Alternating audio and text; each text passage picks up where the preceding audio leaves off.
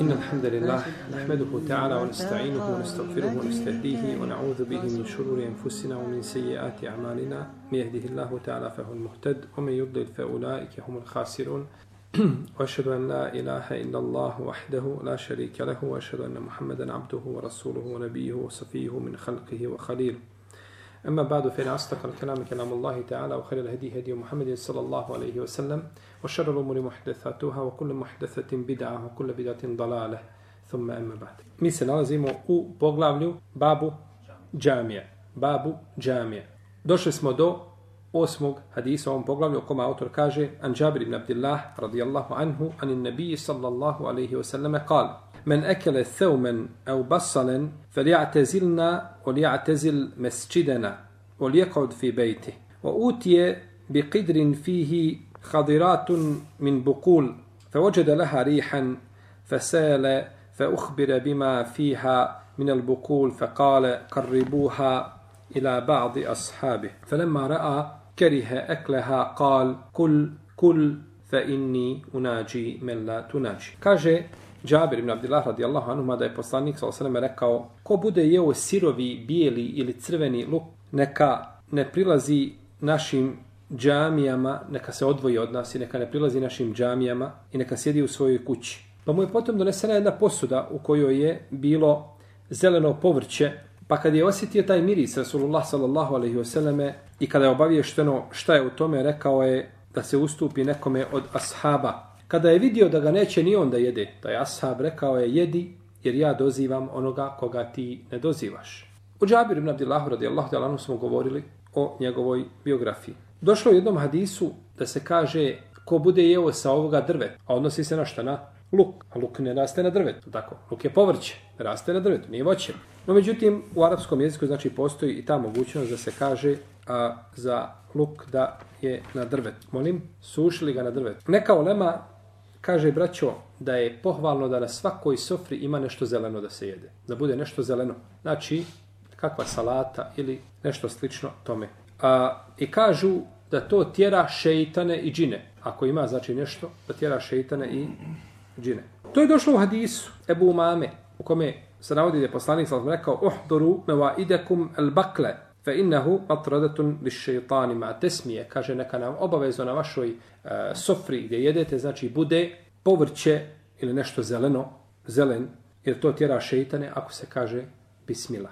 Ako se kaže bismila. Znači pa ako se jede i spominje se bismila i ima nešto zeleno, to bi tjeralo šeitane, znači da ne jedu sa ljudima. I ovo spominje Ibn al-Hajj, spominje u svom djelu al-Medhal, Abdullah ibn al-Hajj spominje ovu činjenicu, a hadis koga smo spomenuli, kaže šeh Albani u prvom tomu svoji da je sil sila da je lažan, da je apokrifan. Znači hadis da nešto zeleno tjera šeitana sa sofre ili od sofre, to nije vjerodostojno, već je hadis apokrifan. U ome hadisu je dokaz da je konzumiranje luka crnog, e, crvenog i, i bijelog, sirovog, da je to dozvoljeno i na tome se islamci učenjaci složili, osim što se navodi, prenosi se od, od Zahirija da su govorili da je to zabranjeno. Zato što spriječava čovjeka da šta ide u džamiju, a kod nje je obavljan namaz u džamiji je rukn, kod nje džemat rukn za ispravnost. Ako bi klanjao u kući svojoj, a imaš džamiju, namaz je neispravan. Kod jednog dijela u Leme si griješan zato što se ostavio vađib. Ali je namaz šta? Ispravan. Kod neki je to sunnet općenito. Kod džumura je sunnet dolazak u džamiju na namaz. Ovaj, pojedinačno. Ali ako bi se svi ljudi složili da ostave džemat, da nikako ne uspostave namaz u džematu, onda je to problem. U ome hadisu je dokaz da namaz u džematu nije obaveza svakom, jeli, ulema koja kaže da nije obaveza, on koriste ovaj hadis kao dokaz. Kažu, dokaz je da namaz u džematu nije obaveza svakom pojedincu po na osob, jer ako čovjek jede luk pa nakon toga ne ide u džamiju, dokaz je da znači obaveza ta pada, jeli, spada sa njega. E, ovo braće neće utjecati na propis namaza. Čak kada je kazao da je namaz u džematu vađib, ovaj, ne utiče na propis jer to je došla olakšica u, olakšica u šerijetu. Kao kada se šta? Postavi sofra. Kada se postavi sofra i prouči se i kamet, ti počneš sa jelom. Pa ako stigneš, hajdi bereket, a ako ne stigneš, a, klanjaš jeli, samostalno. U ome hadisu je isto dokaz, braćo, o poštivanju meleka. I da se meleki ničim ne uznemiravaju. Znači ništa se čini što ih uznemirava. Učenjaci se razilaze da li je ova zabrana bila, da li je ova zabrana e, jela luka bila poslaniku sa osvijem kategoričke prirode. Znači, da li je to njemu bilo haram, a nama halal, ili je i njemu to halal? Ispravno je mišljenje da je poslaniku sa osvijem bilo dozvoljeno da jede luk kao i nama. Jer on kaže u jednom hadisu, Rasulullah sa kaže u hadisu, le, lej se bi tahrimu maja halallah. Kaže, nemam ja pravo zabraniti ono što je Allah halalio. Kažu, jeste, nema pravo zabraniti ono što je halalio njegovom ummetu, ali je to njemu šta? Zabranio, pa ne govori za sebe, ne govori za ummet. Međutim, ispravno je, Allah te alam da je poslanik, sa osvijem bilo dozvoljeno jeste, znači ove stvari kao i običnim ljudima. I da je to poslanik, sa osvijem ostavio zbog posebnog njegovog odnosa, jeli, prema stvoritelju Tebara Keoteala, odnosno, on je u svom ibadetu bio drugačiji nego obični ljudi. I kaže, ja dozivam onoga koga vi ne dozivate. U ome hadisu isto dokaz da nije dozvoljeno uznemiravati ljude sa ružnim mirisom, neprijatnim znači mirisom, i da čovjek u tom slučaju treba ostaviti znači džemat ako je jeo nešto od ovih stvari i da sjedi u svojoj kući, klanja znači u kući. To je mezem sve uleme, a osim što prenosi se od nekog dijela učenjaka da su smatrali da je to braćo zabranjeno samo u mesčidu poslanika, sallallahu alaihi sallam. Kažu, to je mjesto gdje dolazi šta? Objava? Ima poseban hurmet, ta džamija, i tu nije dozvoljeno šta? Da se, da se ulazi ako je čovjek konzumirao nešto od ovih stvari. U protivnom, za druge džamije to ne vrijedi. I ovdje kaže, i to je dokaze u hadisu, ovdje kaže poslanik, felijatezil mesčidena, neka ne dolazi u našu džamiju. Je tako? Neka ne dolazi u našu džamiju. Pa propis ovaj vrijedi striktno za koga? Da poslanikom sa sam džamiju ne vrijedi za druge džamije. Na osnovu čega? Na osnovu ovakvog razumijevanja hadisa. Što svakako nije ispravno. Jer je došlo u drugoj predaji da poslanik sallallahu alejhi ve sellem kaže: "Fela yaqrabanna al-masajid", neka ne dolazi u džamije. Sada već gotovo došlo. El mesađid obuhvata sve, znači džamije. Pa koji konzumira nešto znači od ovih stvari neće dolaziti šta u džamije općenito znači a ne samo u mesdžid a džamija poslanika sa osebe navedena je kao šta kao primjer neka dolazi u našu znači neka dolazi u našu džamiju u protivnom u svakoj džamiji imaju ko? Ljudi i meleki, jel tako? Ima jedno i drugo. Pa razlog zbog čega čovjek ne dolazi da ne uznemirava jedne i druge prisutan je u drugim džamijama. Pa je to dokaz znači da je hadis, da je hadis općeg, općeg jeli, karaktera. I vidimo, braće, ovdje koliko je bitno spajanje puteva hadisa.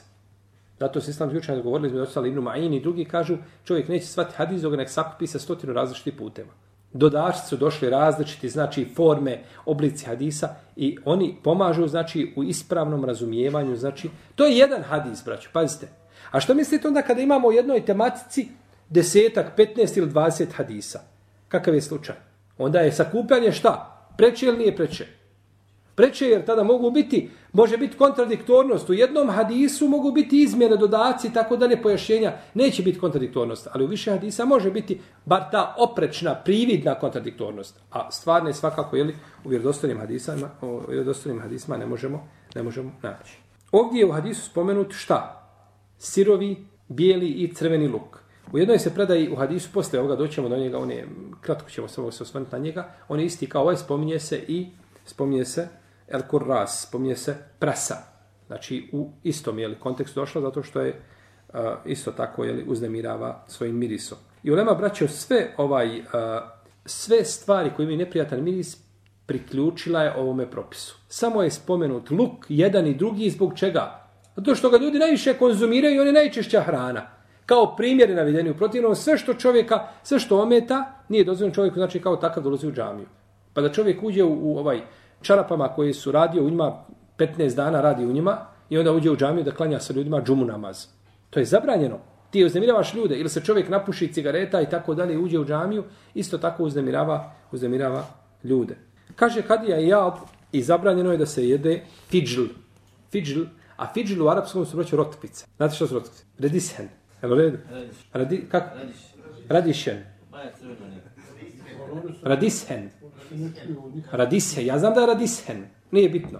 Je tako Radishen? Evo, znači potvrdno, znači ovaj... E, greška. nije bitno. Nije bitno, u slovo dva, u slovo dva, mi kada pogriješimo, nama se prelazi. Znači, rotkvice su zabranjene isto da se jedu, šta? Kao i, kao i luk. Iako rotkvice nemaju, ne znam, da li imaju rotkvice taj miris? Molim. Rotkvice nema rotkvice. Ima rotkvice, ona jedna jača. Ne, ne, ove su rotkvice. Fidžli je rotkvica, znači onaj... U svakom slučaju, braćo, ovaj, zabrana fidžla ili rotkvica je došla u hadisu. Nije, znači, ulema koja je rekla i rotkice oni su uželi, znači, ima u hadisu zabrana, bilježi imam tabarani u svome najmanjem, onome, u svome najmanjem muadžemu, bilježi predaju u kojoj se spominje, znači, crveni i bijeli sirovi luk i spominje se prasa i spominje se rotkice. Ali je hadis daif. Kaže Ibn, Ibn Munziri, kaže Ibn Hajar Askalani, kaže Šejh Albani i Ibn Molekar i drugi da je hadis daif. Da je hadis daif, nije vjerodostojan. Kaže Ibn Murabit i ovdje isto tako ulazi čovjek koji ima neprijatan miris iz usta. Mora, znači, kaže isto tako, nastoje da se očisti prije polaska u džamiju, da koristi misvak i da slično tome.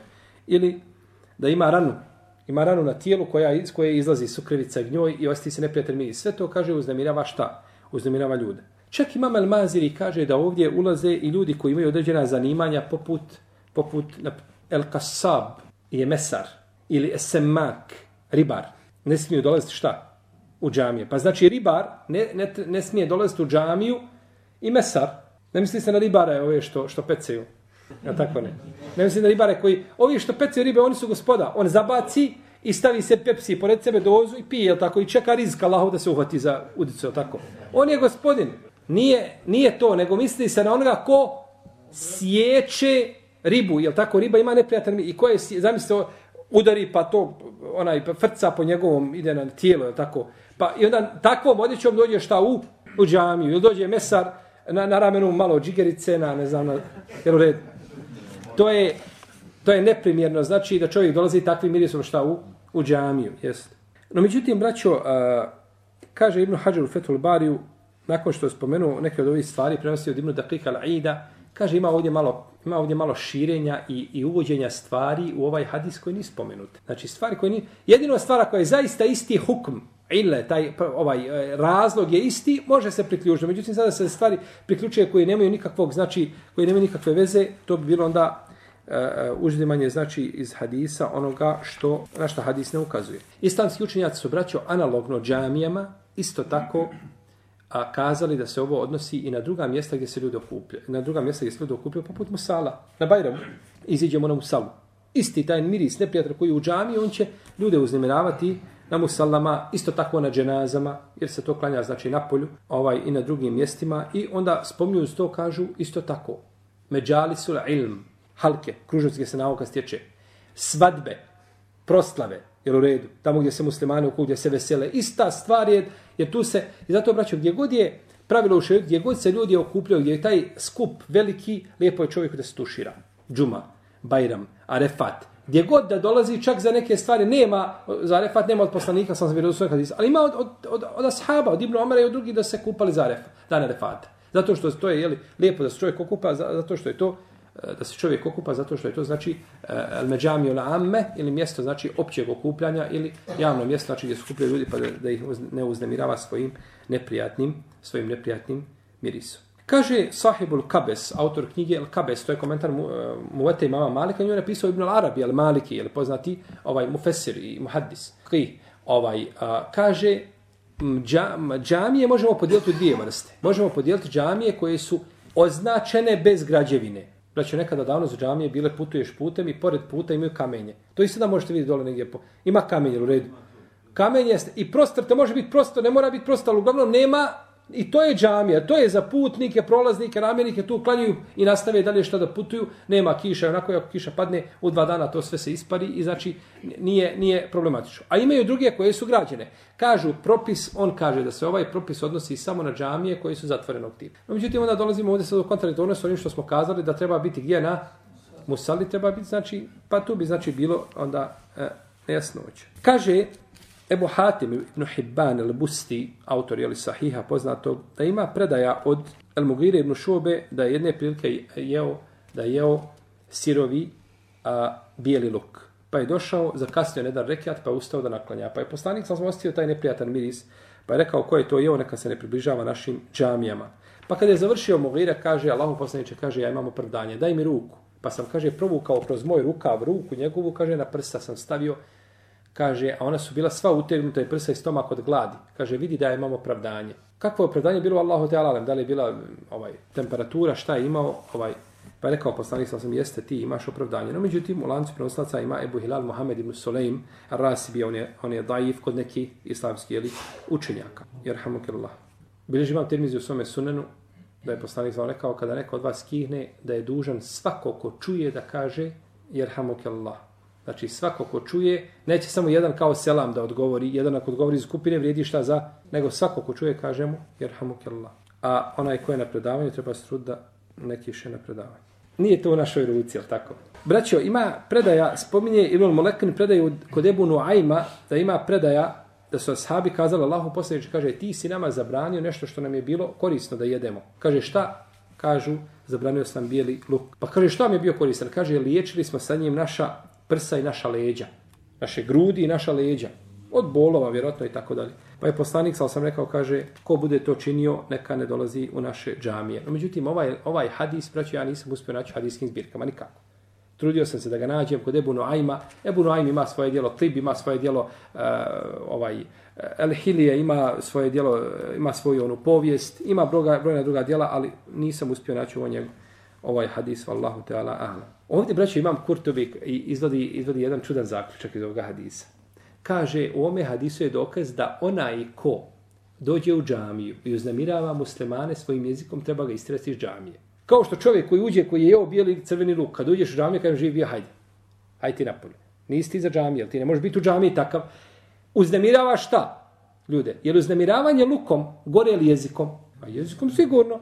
Kakvim lukom? Luk nije ništa kako te čovjek može, znači jezikom ovaj istrest, jel tako, e, ovaj, e, i, i, i možete ovaj ubrige baciti to nije znači pa kažu ne treba isto tako. I ovo ovo je braće ovo je dokazivanje ispravno. Ovo dokazivanje ima svoje mjesto. Džamija je mjesto gdje treba da se e, odnosi među muslimanima jačaju da se ljubav povećava. Nije džamija mjesto gdje, gdje se prave tabori gdje se ljudi svađaju i samo ovaj e, jednim drugima neprijateljstvo pokazuju to je sigurno to nije cilj. To je cilj kafane to se u kafani postiže a u džamiji Znači, džamija zna se zbog čega je napravljena. Ome hadisu je braću naredba, znači ko jede nešto od spomenuti stvari, da treba sjeti u svojoj kući i ne treba dolazi znači, tamo gdje se ljudi okupljaju, znači da ih uznemirava.